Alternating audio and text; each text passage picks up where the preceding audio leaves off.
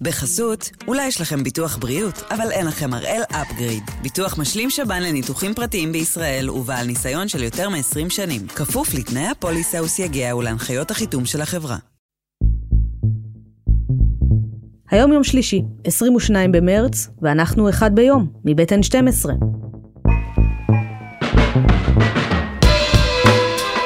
אני עמליה דואק, ואנחנו כאן כדי להבין טוב יותר מה קורה סביבנו. סיפור אחד ביום, כל יום.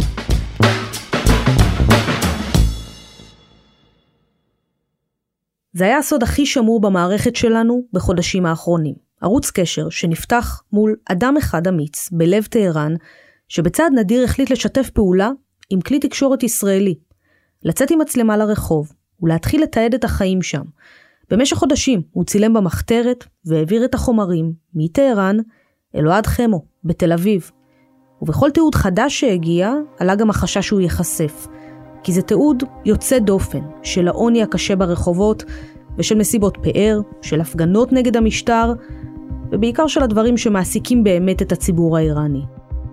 אז הפעם אנחנו נכנסים אל מאחורי הקלעים, איך הצליחו לתקשר, מתחת לרדאר במשך חודשים, עם אותו איש מטהרן, על חומרי הגלם שנגנזו בדרך, ובעיקר, מה גרם לו בכלל ללכת כנגד ההיגיון ולסכן את החיים שלו ואת המשפחה שלו, הכל רק כדי שאנחנו כאן בישראל נקבל זווית חדשה וקצת אחרת על החיים בלב משטר האייתולות.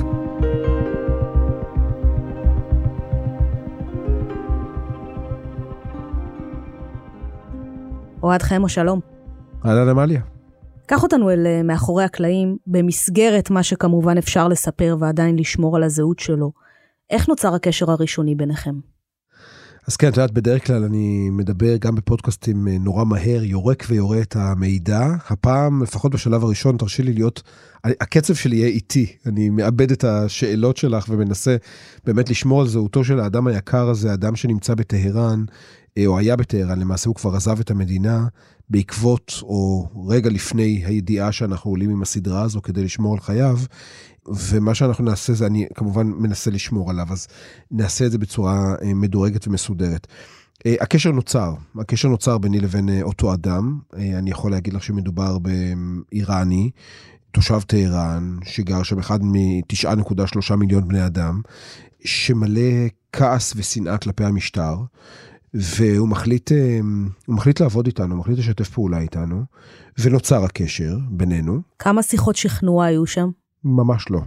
אמ, בודדות וזה אפילו לא שכנוע. כלומר, קיבלתי אדם שרוצה למחות נגד השלטון האיראני ונגד המשטר האיראני, ובמסגרת המחאה הזו הוא מבין שהיכולת שלו להשפיע היא להגיע לתקשורת ישראלית. איך זה עבד בפועל? הוא מצלם ומעביר לך חומרים, הוא מצלם כל הזמן ומעביר רק בסוף?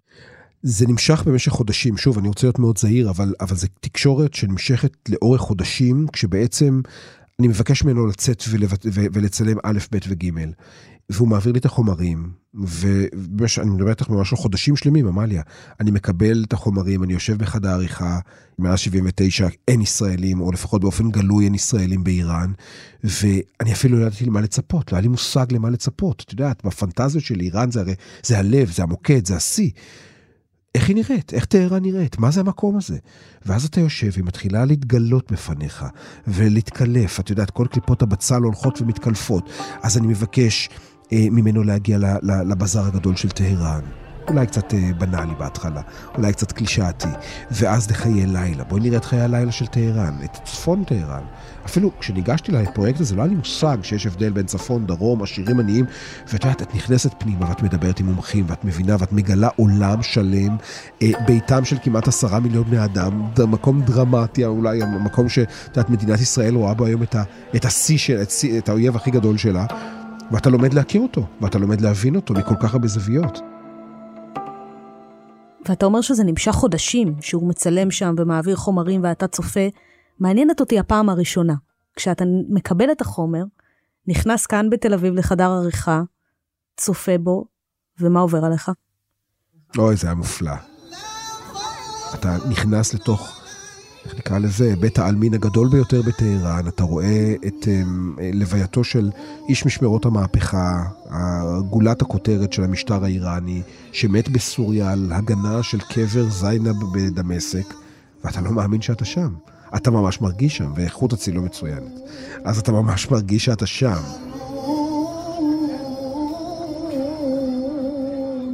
איך זה עובד? איך בן אדם יכול לבוא ולהתחיל לתעד את טהרן כשיש שוטר בכל פינה ומצלמות של המשטר? אז הוא באמת נורא נזהר, הוא באמת נורא נזהר, הוא היה מודע לדברים. אה, כשאת רואה את הפרקים שלנו, את רואה עד כמה, עד כמה עשינו הכל כדי לשמור על זהותו כמובן. הוא לא שם, אבל המשפחה עדיין שם. וזה אומר עיוותי קול מכל הכיוונים, זה אומר כמובן טשטושי פנים. זה אומר אפילו את שעון העצר, שעון העצר שמבשר מתי ישראל תושמד, אנחנו טשטשנו למעשה את ה... לפחות חלקים מהשעון, הוא מדבר על כך שישראל תושמד בעוד 6,000 ומשהו ימים, אז טשטשנו את זה כדי שלא ידעו באיזה יום הוא עמד שם, זאת אומרת, הכל היה ממש הקפדה ברמת הפריים, הכל כדי לא לעלות עליו. מה זה השעון הזה? אז רק נסביר שבכיכר פלסטין, בלב טהרן, לא רחוק מסינימה פלסטין, וכל דבר שככה נוגע בסכסוך הישראלי-פלסטיני, אגב, זה המקום, זה המוקד שבו מגיעים כל ההפגנות, או מתנהלות כל ההפגנות הגדולות האנטי-ישראליות, יש שעון, שעון עצר, זה נראה כמו שעון זול של פיצוצייה, אבל הוא לא. זה שעון שמבשר מתי ישראל תושמד, לפחות לפי דבריו של חמינאי. חמינאי אומר לפני כמה שנים שישראל אה, תיעלם בעוד 20 שנה. הלוקחים האיראנים ממש לוקחים את דבריו מילולית לגמרי, ופשוט יש שעון עצר גדול שיורד אחורה בזמן. אל תדאגו, אבל יש עוד, לפחות לפי האיראנים, יש 6,000 ומשהו שנים, אה, ימים, סליחה, עד שישראל תיעלם. כמובן שזה אה, שטות מוחלטת, אבל זה פשוט מדהים איך גם באיראן, כמו אצל חמאס, כמו במקומות אחרים, מתנהלים מתוך תפיסות משיחיות קצת מטורפות, שישראל תיעלם באמת אה, אה, בקרוב. הייתה איזו מחשבה במסגרת העבודה המשותפת שלכם שהוא גם ינסה לשאול אנשים ברחוב על ישראל, על השטן הקטן? כמובן, את יודעת, בסוף, אה, סליחה, אבל זה מה שהכי מעניין אותנו, את יודעת, בפריזמה שלנו. אבל זה מאוד בעייתי. כי אדם שמתחיל לשאול אנשים באיראן, לכאורה בלי שום סיבה על ישראל, זה דבר שעלול להיות מאוד מחשיד, ולכן נאלצתי להצניע את, ה, את, ה, את הציפייה הזאת שלי. הרוב המכריע של השאלות באמת לא נגע בישראל, לא נגע בסכסוך שלנו עם האיראנים, רק פשוט כדי לשמור על האיש. ואת יודעת, בואי נדבר קצת על, על אתיקה, על מוסר.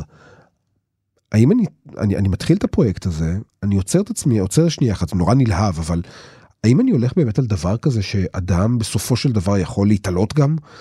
זה, מעולם לא עשיתי דבר כזה, את יודעת, זה משהו שבאמת, זה, זה חיים של אדם. ואתה חשבת, הרגשת בזמן אמת שהוא מבין את הסיכון? אני, אני וידאתי איתו כל כך הרבה פעמים. אני חזרתי ווידאתי שוב ושוב שהוא מודע לסיכון, שהוא יודע מה קורה, שהוא מודע לזה כמובן, כמובן שאני אשמור על חייו, ובכל זאת יש פה סיכון גדול ועמוק, והוא אמר שהוא מודע לזה, והוא חזר על זה, והוא אמר שהוא מבין את זה, ושהוא אה, אדם אה, בוגר, ושהוא מבין את הסיכונים, והוא בכל זאת רוצה לעשות את הדבר הזה. ועד היום האחרון הלבטים אכלו אותי, זאת האמת. זה לא מובן מאליו בשום צורה, העובדה שאנחנו מחליטים לשדר דבר כזה, עם כל הניסיון שלנו כמובן לשמור על אה, חייו. נוצר ביניכם גם קשר אישי? אתה יודע מה קורה עם המשפחה שלו, איתו? אתה אומר שהיום הוא כבר לא, הוא כבר לא שם. לא יותר מדי. אה, יש בינינו קשר מקצועי, שוב, מכשלות של שפה. אה, הוא אדם נורא נחמד, זה אני יכול לספר לך. כשהוא מצלם ברחוב, כשהוא שואל אנשים שאלות, אנחנו רואים אותו ממש על סף העושה ראיונות שם עם חלק מהאנשים, כדי להמחיש את, את מה שהם מרגישים. לא מתחילים לחשוד בו בשלב מסוים?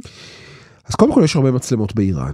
זאת אומרת, אנשים מחזיקים מצלמות ופלאפונים, את יודעת, זה לא, זה לא צפון קוריאה, נאמר זאת כך, במובן הזה שיש אה, נוכחות של תקשורת, והתקשורת היא בהחלט קיימת.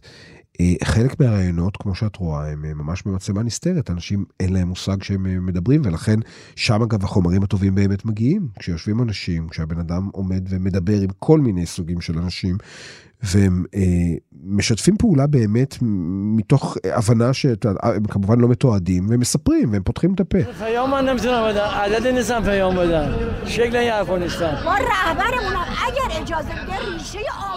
אצלנו בעולמות של הטלוויזיה, כשיש פרק של רבע שעה באוויר, זה אומר שכנראה היו לך שעות של חומרי גלם. זה נצח, נכון. מה ההיקף?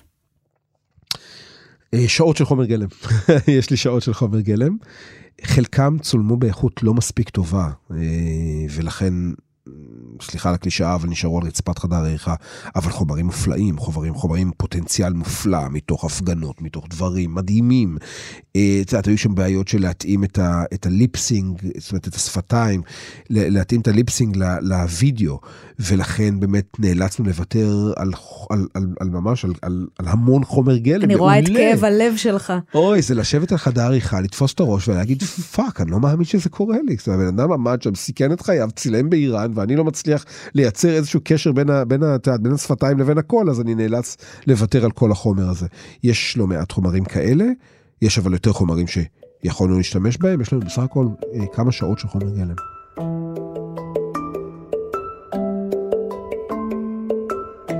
אז חמו צלל אל חומרי הגלם האלה, הוא מצא שם דברים שהוא אפילו לא דמיין. אבל קודם חסות אחת, מיד חוזרים.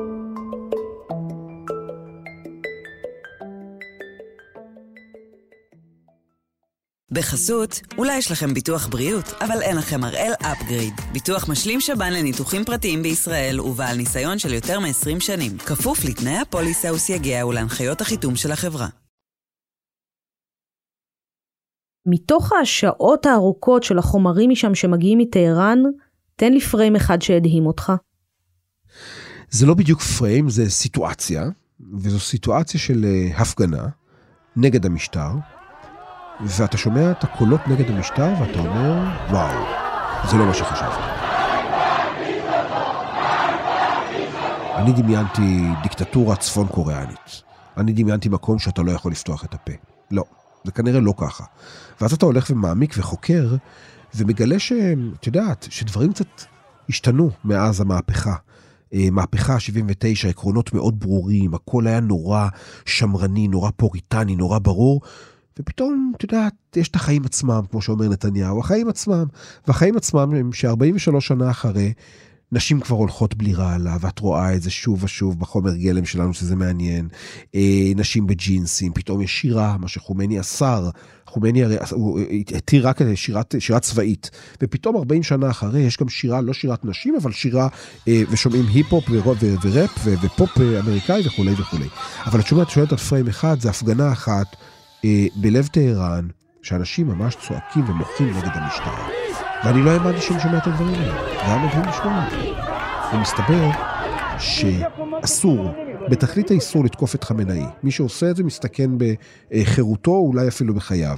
אבל לתקוף את הממשלה, מותר גם מותר. את יודעת, זה אבובת וודו שם. עניין אותו בדיעבד אחרי שזה שודר כאן בארץ? איך זה התקבל? כמה רייטינג היה לכתבות האלה? אנחנו לא בקשר. בכלל. עכשיו, כן, אנחנו הורדנו פרופיל, אז אני מניח שזה מעניין אותו, הוא ראה כמובן את התוצר הסופי. שלחת לו את כן, הכתבות? כן, שלחתי את שלושת הכתבות לפני שהן משודרות, כדי שיראה, יבין על מה אנחנו מדברים, יאשר אותה מבחינתו, כן. וניתקתם קשר כדי לשמור עליו מן הסתם. עליו ועל משפחתו בעיקר בהקשר הזה, כן. בתיעוד שהבאת, אה, אפשר לראות ממש את, הקו המקשר בין הציבור הישראלי לציבור האיראני, שהמנהיגים גם כאן וגם שם מדברים על תוכניות הגרעין, גבוהה גבוהה, ובסוף מה שמעניין את האדם הפשוט זה יוקר המחיה. ואיזה כיף שאני מדבר עם עמליה דואק, כתבתנו ענייני כלכלה, שכל כך מבינה על מה אני מדבר, כשיוקר המחיה ויוקר הדיור, מחירי הדיור כמובן, והאינפלציה הדוהרת וגואה, אלה הדברים שמטרידים אותם. העובדה שבעשרה דולר, את יכולה להיכנס היום לסופר בטהרן, ואגב ראיתי את הסופרים, ראיתי קניונים, ראיתי תמונות של קניונים, שפע משוגע. יש סנקציות, נכון, סנקציות קשות, ועדיין השפע הוא גדול, אגב, עוקפים את הסנקציות, בדרך כלל מגיעים המוצרים מסין או מטורקיה, זה בסדר. אבל הדולר, הדולר עולה ועולה ועולה, ואת יודעת, היום זה כבר 26 אלף תומן או אפילו יותר אה, לדולר, ועם עשרה דולר את יכולה למלא ארגז שלם, אני יודע למלא עגלה שלמה, סל מוצרים שלם, וזה מדהים לראות את זה, והתסכול הוא מאוד גדול, אתה שומע את התסכול הזה.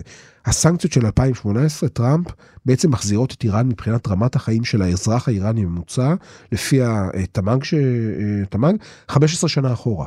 כלומר, באחת הוא חוזר 15 שנה אחורה למה שהוא היה אי שם בראשית שנות ה-2000. זה דבר דרמטי, זה דבר משמעותי מאוד, והם, והם מרגישים את זה, הם חשים את זה בכל מקום. מעניין לראות שיש פער מאוד גדול בין החיים של האדם הפשוט ברחוב וההומלסים שדיברנו עליהם, לבין האליטה. עם מסיבות משוגעות, דברים שלא היינו מדמיינים אולי ב...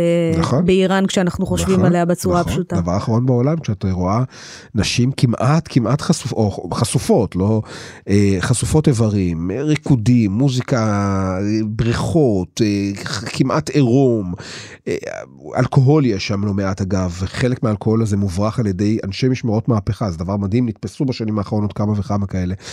אז אתה מבין שיש פער מאוד גדול בין שוב ערכי המהפכה הקלאסיים לבין הפרקטיקה. ובפרקטיקה יש קבוצה חזקה, לא גדולה מדי, אבל חזקה, מאוד עשירה. אגב, גיאוגרפיה חיה בצפון, שוב, צפון טהרן, אה, מקום הרבה יותר נעים כנראה מהדרום, זה לפחות מה שמספרים, אה, נהנית מביטחון של משמרות המהפכה עצמה, או שהבסיס עצמו, כלומר, מדובר בילדים של הדור, דור שני בעצם של, של המהפכנים של 79, והם מרשים לעצמם הכל, וככה זה נראה. ויש שם רשתות חברתיות, הם מעלים למשל תיעודים של עצמם, מתגאים באורח החיים הזה, או דווקא מצניעים אותו?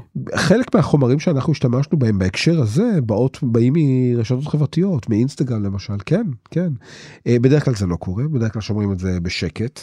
אה, כמו הרבה דברים אגב, האנדרגראונד, אתה יודע, בכלל זה רלוונטי לעולם, איראן היא לא מדינה ערבית, אבל זה רלוונטי לעולם הערבי, אולי גם המוסלמי, אם נעשה ככה, נרחיב את היריעה. כן, עושים הרבה דברים, אבל בשקט, בצניעות, מתחת לאדמה. ומצד שני, בפרק ששודר אתמול, אתה הראת את הקנאים, את אלה שעדיין קוראים מוות לישראל, שיש להם אמונה כמעט עיוורת במשטר, הם עדיין הרוב, נכון לעכשיו? אני לא יודע אם הם עדיין הרוב, אני חייב להגיד לך שכשישבתי וראיתי הרבה חומרים של הדברים האלו, אה, זה נראה לי, אין להט. הלהט המהפכני כבר לא קיים. כי 40 שנה את אומרת מוות לאמריקה, מוות לישראל. כי בבית ספר, בכיתה א', בכל בית ספר, בכל כיתה א', אתה צריך כל בוקר לפתוח אותו במוות לאמריקה, מוות לישראל. אתה דורך על דגלי ישראל, פתולוגיה משוגעת של שנאה.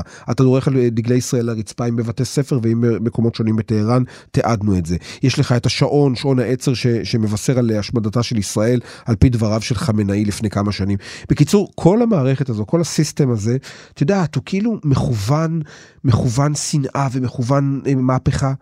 אני חושב שלפחות מי שראה את הפרק ובכלל רואה את החומר גלם, הלהט לא קיים שם. זאת אומרת, בסוף זה עוד ועוד מסיסמאות ריקות וחלולות, נדמה לי שהן לא משפיעות יותר מדי, או לא, לא מספרות באמת את כל הסיפור.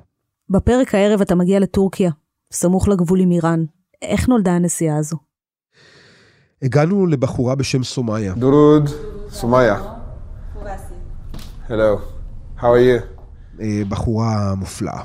אין לי שום דרך אחרת להגיד את זה. כמוה, אגב, יש לא מעט נשים באיראן, אמיצות. את יודעת, כדי להיות מהפכנית, את לא צריכה ללכת ולא אה, יודע מה לעשות. כל מה שאת צריכה לעשות זה פשוט להסיר את הרעלה באמצע הרחוב. זה מהפכנות אמיתית. זה, תביני, יש פה אומץ לב אמיתי. You're not afraid? ببینید وقتی که میهن در آتیش داره میسوزه והיא עושה את זה עם סירת הרעלה והיא מסתובבת והיא ככה בעיר שממנה היא באה מקרמן ובשלב מסוים היא נתפסת והיא נכנסת לכלא.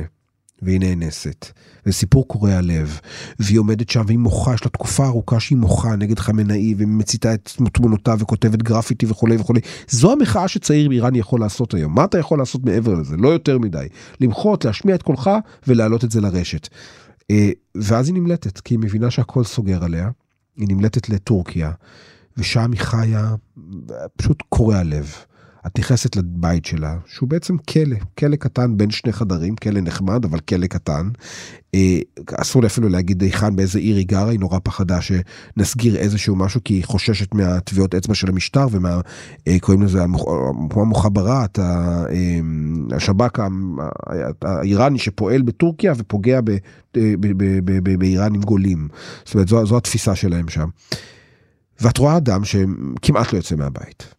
וסוגר את הבית בכל כך הרבה בריחים, וחושש מהצל של עצמו, ואין לו תקשורת כמעט עם העולם. מדבר עם איראן בטלפון, אבל לא הרבה מעבר לזה. היא לא פחדה לפגוש אותך? לא. גם היא, היא לא פחדה, לא. היא הייתה מאוד uh, פתוחה, מאוד uh, נכונה להשמיע. כנראה מתוך תקווה שהסיפור שלה יגיע לאוזניים של אנשים שיכולים בסופו של דבר לסייע לה.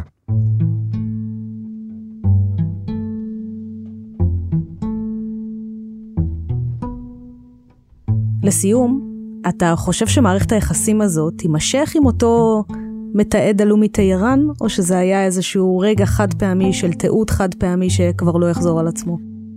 אני יודע שכל מה שעלול לפגוע בביטחונו אה, לא יעשה, ולכן אני לא יודע לענות לך על זה. האם בעתיד שוב נדבר, אולי ניפגש אפילו, אה, אני לא יודע להגיד, אני לא יודע להגיד. אני רק רוצה לדעת שהוא בטוח, שהוא נמצא במקום בטוח ושהכול בסדר איתו, זאת התקווה היחידה שלי. אוהד חמו, תודה רבה. תודה לך.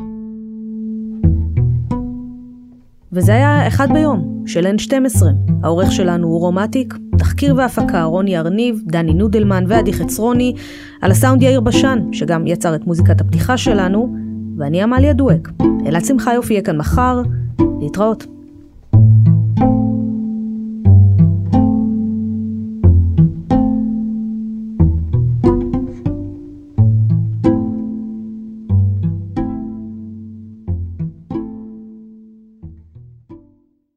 בחסות, אולי יש לכם ביטוח בריאות, אבל אין לכם הראל אפגריד. ביטוח משלים שב"ן לניתוחים פרטיים בישראל ובעל ניסיון של יותר מ-20 שנים. כפוף לתנאי הפוליסה וסייגיה ולהנחיות החיתום של החברה.